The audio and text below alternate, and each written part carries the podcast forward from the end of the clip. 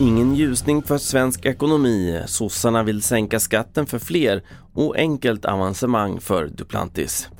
Jag först i TV4-nyheterna om att det blir fortsatt dystert för svensk ekonomi, det bedömer storbanken Swedbank i en ny prognos. Det beror dels på krympande tillväxt och dels den historiskt svaga kronan. Banken spår också ytterligare räntehöjningar. Mattias Persson är chefekonom på Swedbank.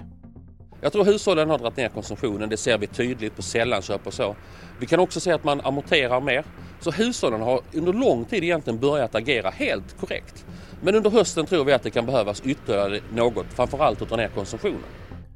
Och samtidigt som regeringens budgetförhandlingar går in i sitt slutskede presenterade Socialdemokraterna idag ett förslag om att sänka skatten för samtliga hushåll. Förslaget skulle innebära en skattesänkning på i snitt 1900 kronor för löntagare och 1100 kronor för pensionärer. Vi hör partiledaren Magdalena Andersson.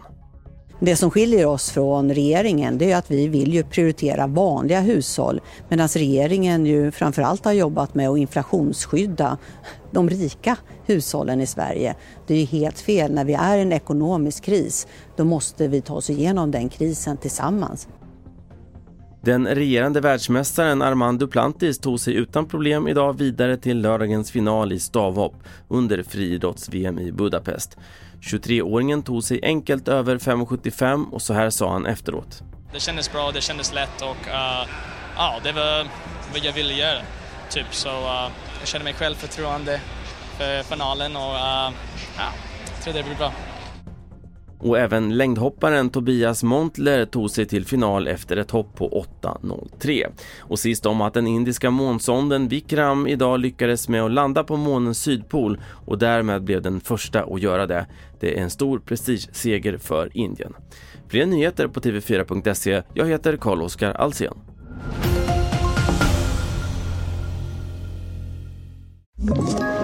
Ett poddtips från Podplay.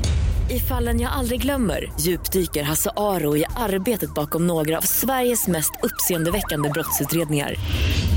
Går vi in med hemlig telefonavlyssning och, och då upplever vi att vi får en total förändring av hans beteende. Vad är det som händer nu? Vem är det som läcker? Och så säger han att jag är kriminell, jag har varit kriminell i hela mitt liv men att mörda ett barn, där går min gräns. Nya säsongen av Fallen jag aldrig glömmer på Podplay.